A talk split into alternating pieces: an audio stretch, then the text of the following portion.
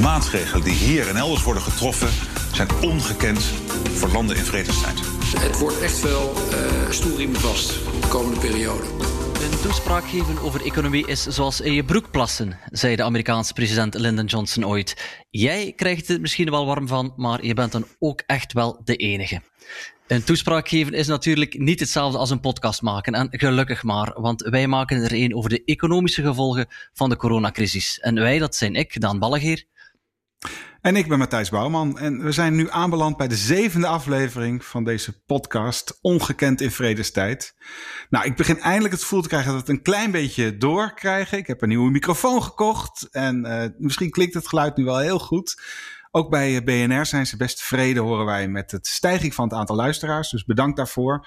En we krijgen ook al meer reacties van luisteraars. En dat vinden we ook heel leuk. Inderdaad, er zijn uh, luisteraars die mailen. Hey, die ene opmerking vond ik wel interessant. Vertel er eens wat meer over. Of iemand anders die vond dat we ergens onredelijk positief over waren. Ja, daarom hebben we besloten om de volgende aflevering uh, de, te hebben over die vragen en opmerkingen. En wil je daar nu zelf nog een vraag aan toevoegen? Stuur dan een mailtje naar ongekend in vrede fd.nl. Of doe eens fancy en stuur een geluidsfragment in met je vraag.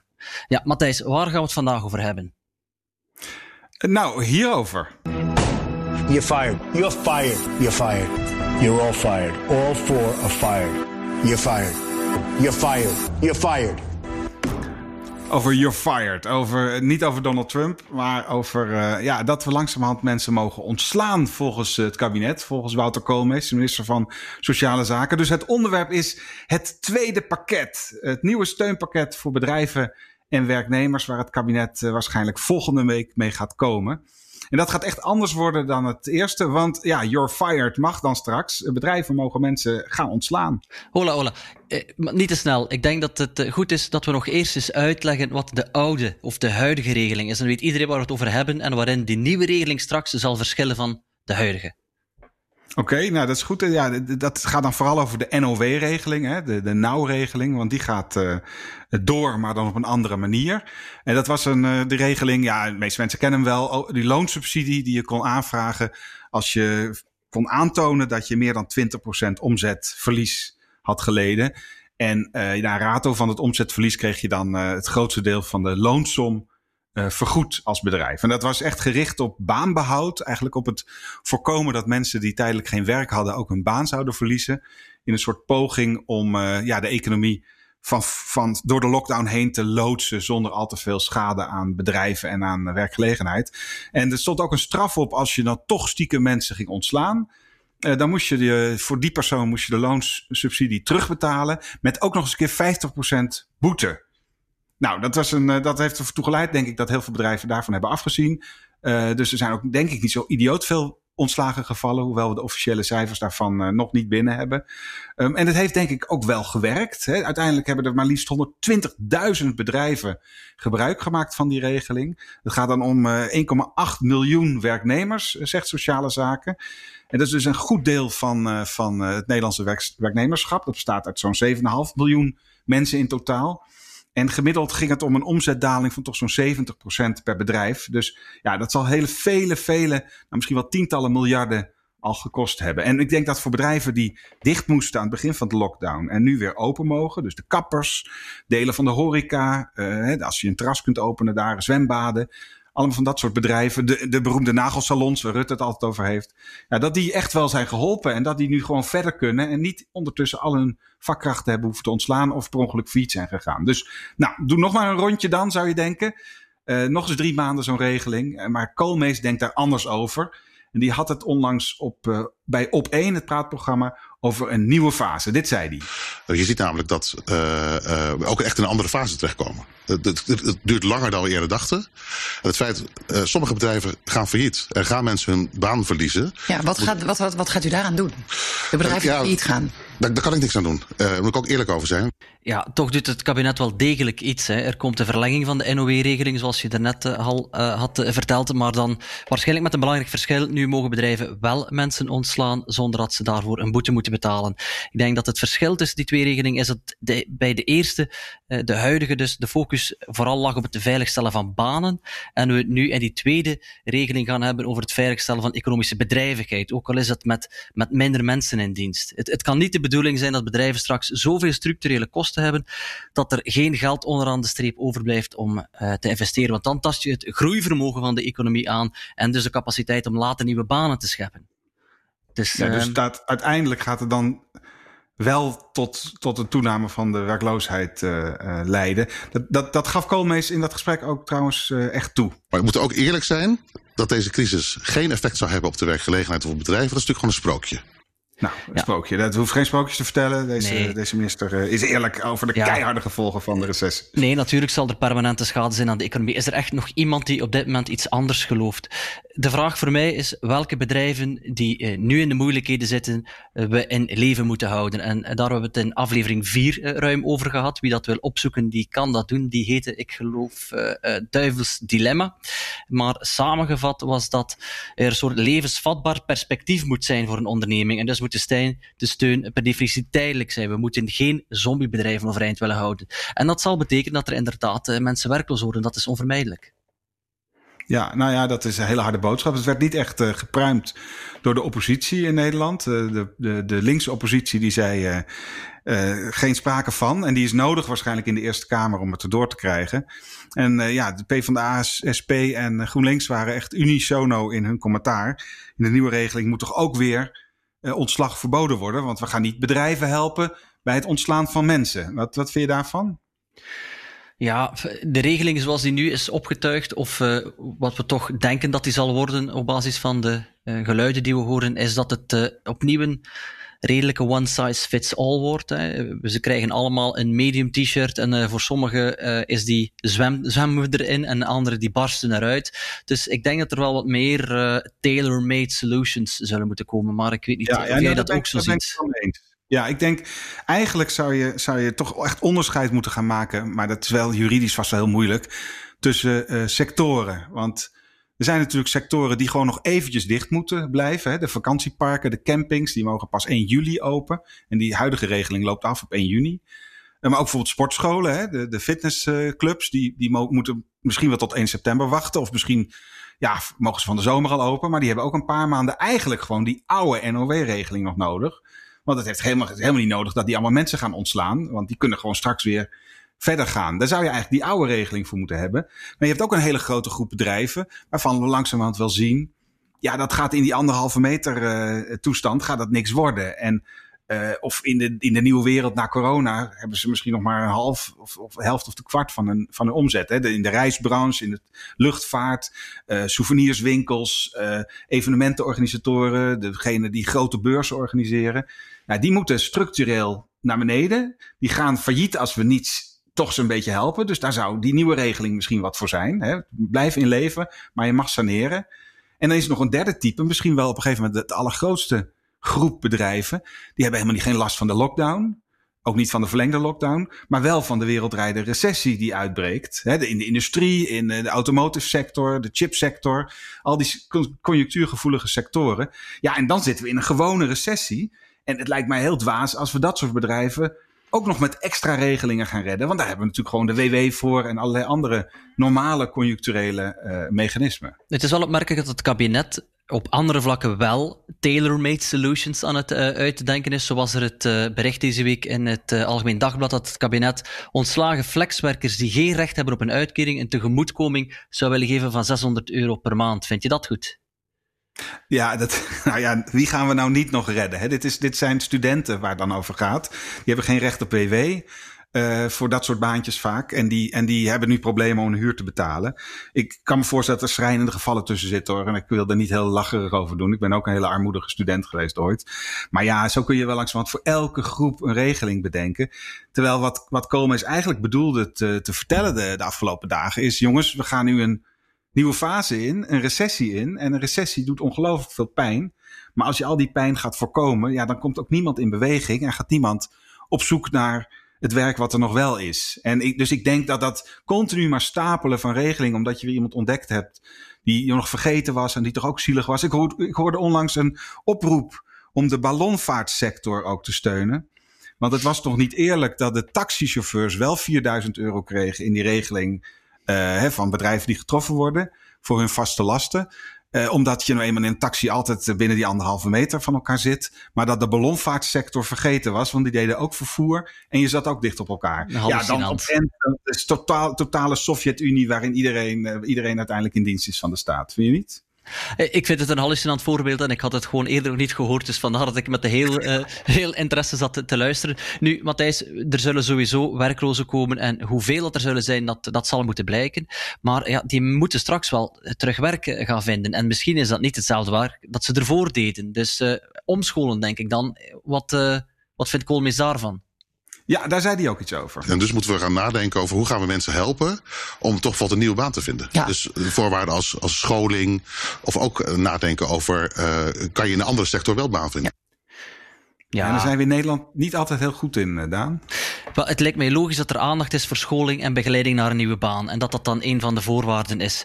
Maar dat blijkt toch allemaal niet zo eenvoudig geregeld. Want sommige sectoren die hebben goed gevulde potjes voor opleiding en ontwikkeling. Maar in andere sectoren zijn die fondsen niet zo goed gevuld. En het hangt er dus vanaf hoeveel een bedrijf zelf moet betalen en hoeveel het kan afwentelen op een sectoraal opleidingsfonds. En bovendien is er het probleem dat die opleidingen typisch sectorgericht zijn. Zo kan je in de hotelsector een ons slagen kok bijvoorbeeld opleiden tot een sommelier, uh, bijvoorbeeld. Maar, maar dus niet tot lasser.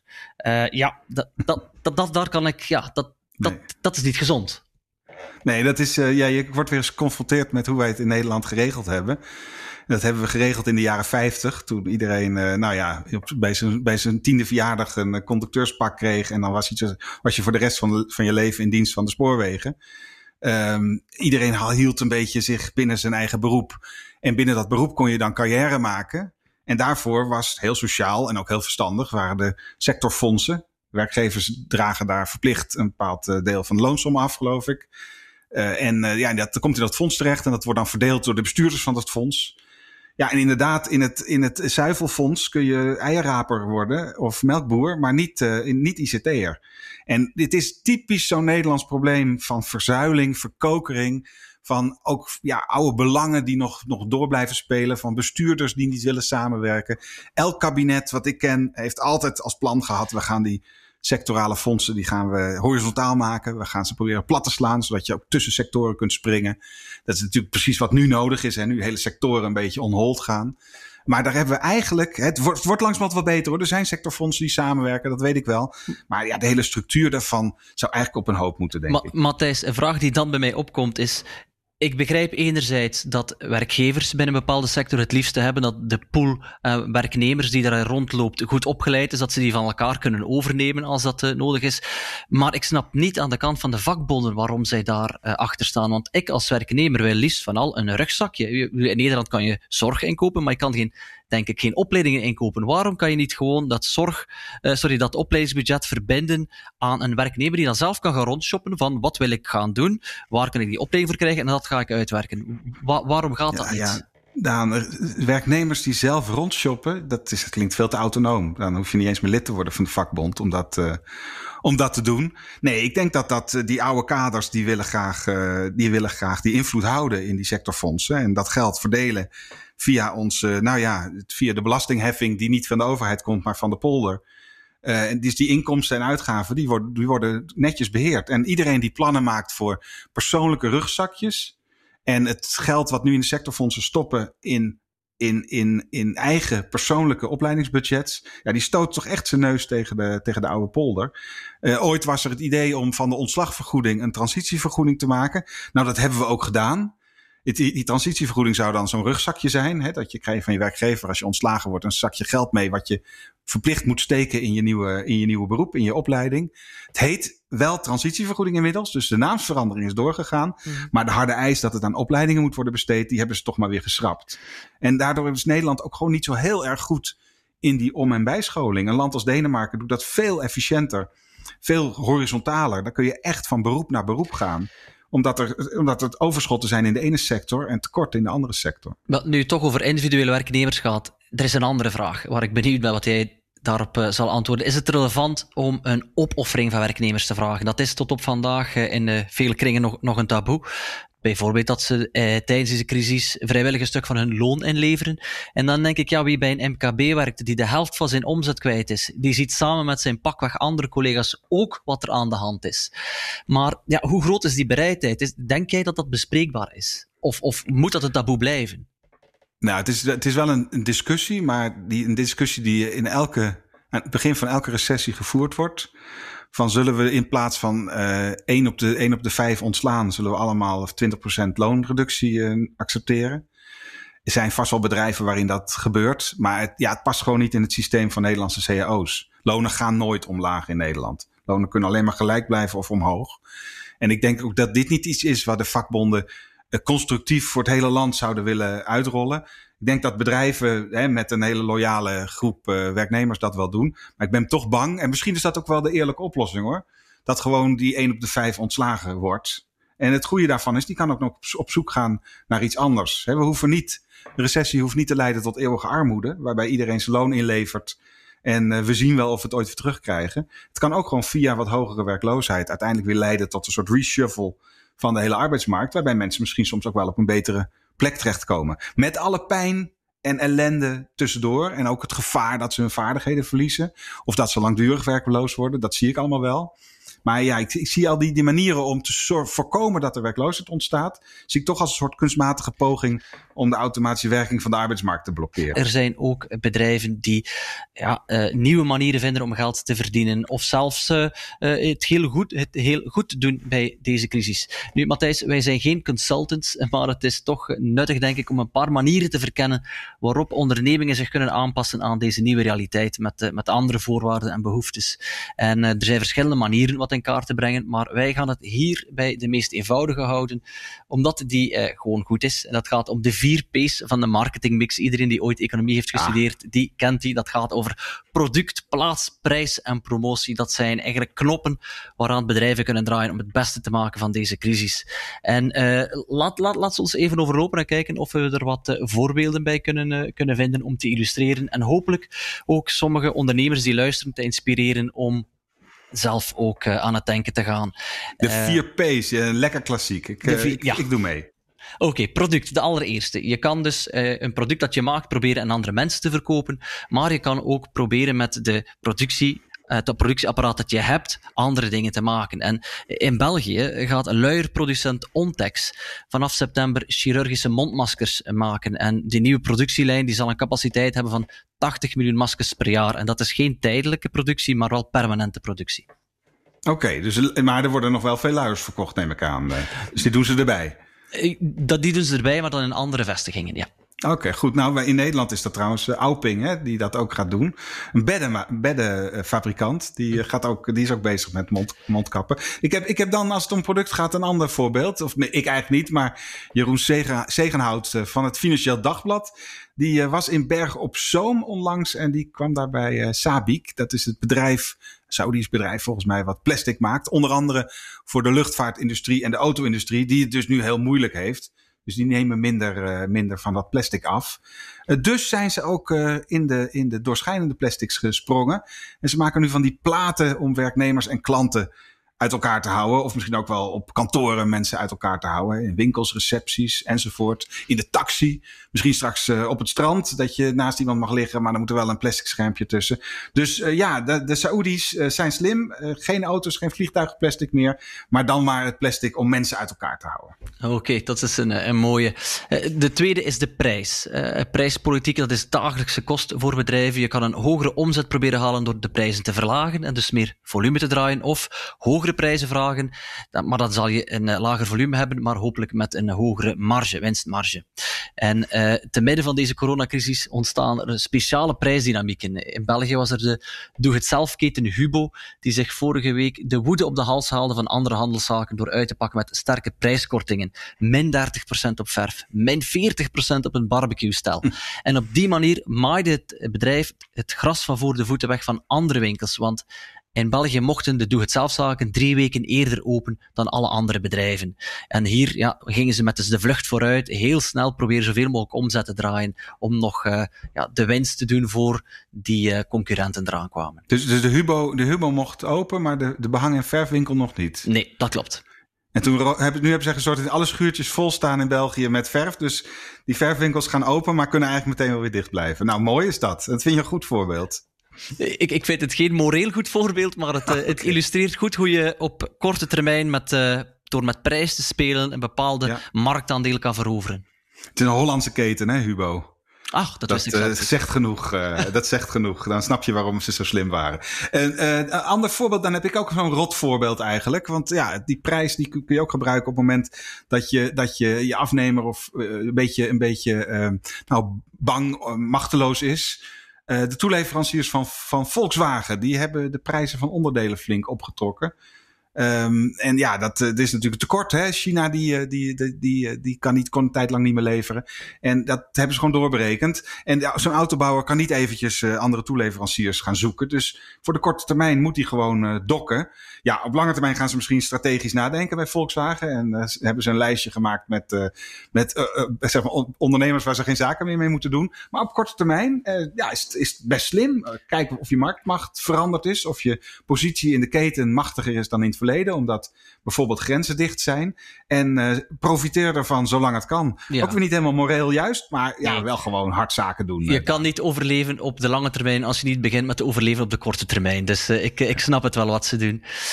De derde P dan, die is die van promotie. En ik las daar een mooi voorbeeld van in mijn eigen krant, dus het FD. En dat ging over gazellen de, aan het begin van de crisis. Toen merkten zij dat de consument bang was om naar de winkel te gaan. En ze hebben heel snel geschakeld en samen met de vakhandel een grootschalige verkoopcampagne opgezet via internet. En daarbij kwam dus uh, de fietsenmaker bij jou aan huis de fiets leveren en hem instellen op jouw persoonlijke voorkeur. Hmm. En dus die rij klaar helpen maken.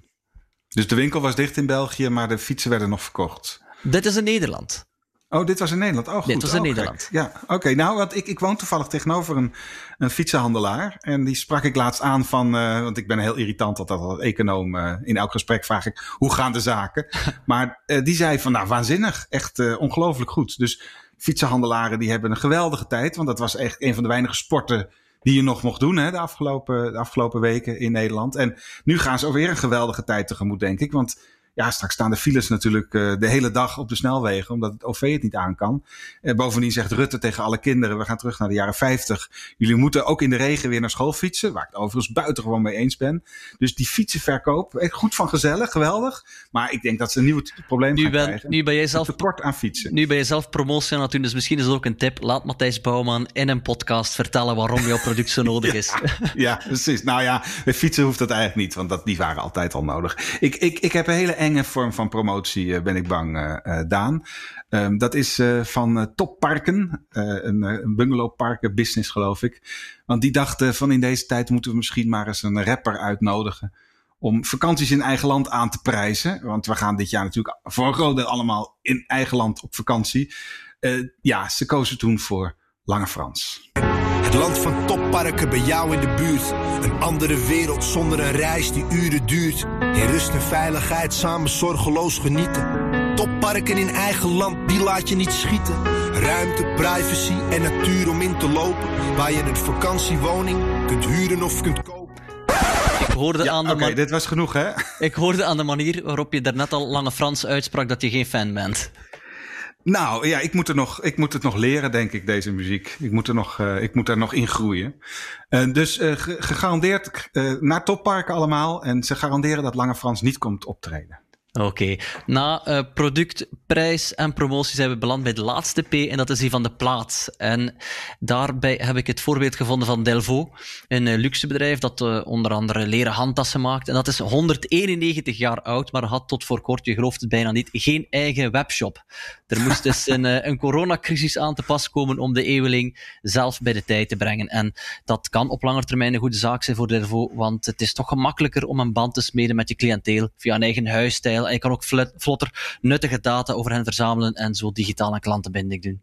Ja, ik vind afschuwelijke moderniteit. Gewoon een, virtuele plaats voor, uh, voor zo'n mooi oud merk. Maar ja, de virtuele plaatsen tellen dus ook. Ik denk overigens dat als er één les is voor bedrijven die uh, nog een beetje huiverig waren om te digitaliseren, is het, uh, ja, bij de, de coronacrisis heeft ze wel een lesje geleerd. En Nederlands MKB liep altijd een beetje achter als het ging om digitalisering. Ik denk dat we een hele snelle paar weken hebben gehad op dat, op dat gebied. Maar goed, zo traag als, als dit bedrijf waren we gelukkig ook weer niet. Um, en nog, nog iets over plaatsing. Uh, waar zet je je fitnessapparaten? Dan kun je ook slim, slim aan plaatsing, plaatsing denken. hier verderop, want ik woon in West-Friesland, in Noord-Scharwoude is er een fitnessschool. en dit wordt gerund door Jesse Kaan. En die, het is een artikel uit de Volkskrant hoor, ik heb hem zelf niet ontmoet. Die zegt zijn, zijn, want die moet dicht blijven natuurlijk, die zet zijn gewichten en roeiapparaten en crosstrainers en fietsjes, zet hij gewoon buiten op het parkeerterrein. En dan mag iedereen wel komen sporten. Dus dat vond ik een hele slimme manier om het verbod te ontwijken. Beter dan een rechtszaak beginnen, wat sommigen ook aan het doen zijn. Uh, want de eenheid van Nederland valt langzamerhand uit elkaar. We houden zoiets maar een paar maanden vol in dit landje. Maar lekker buiten sporten op het parkeerterrein. Nou, slimme plaats. Nou, dat zijn dus vier duidelijke knoppen waar bedrijven aan kunnen draaien om het straks beter te doen lopen. en dan gaan ze hopelijk goede tijden tegemoet.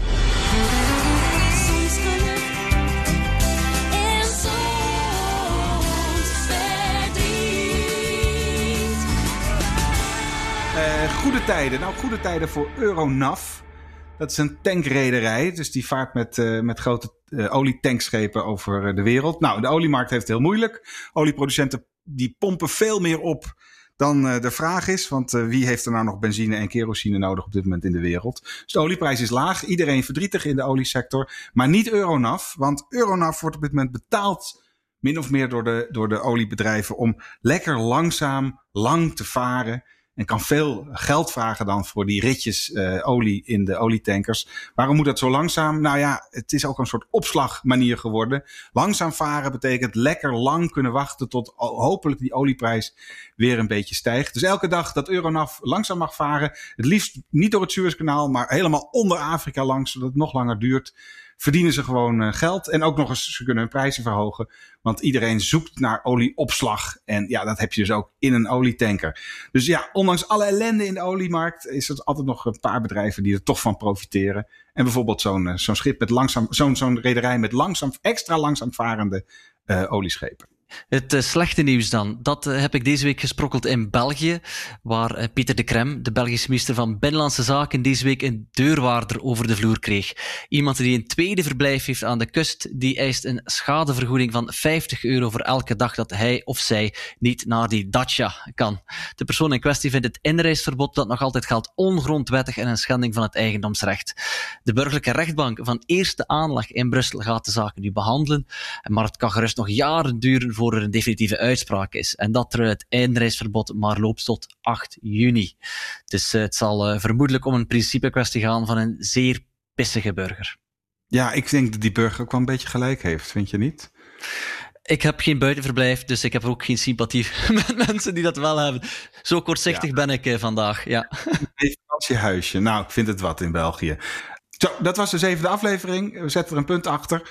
Nog even een oproepje. Ben je nou professioneel uh, docent economie of professor? Of heb je collegezaal vol met economiestudenten of misschien wel andere studenten? Waarom vertel je niet eens over deze podcast? Uh, want wij merken dat ook studenten luisteren. Blijkbaar is het toch niet totale onzin wat we hier allemaal uh, zitten te vertellen, Daan. En doe dan gewoon ook volgende tentamen een paar vragen over onze podcast erbij. Dan weet je zeker dat ze gaan luisteren. En als ze goed willen voorbereid zijn, dan kunnen ze dus de komende week vragen insturen. En dan gaan we die bij de volgende aflevering proberen beantwoorden. En dat kan dus via ongekendinvredestijd.fd.nl. Verder kan je op deze hoorspelen abonneren via de gekende kanalen zoals Apple Podcast, Spotify of BNR.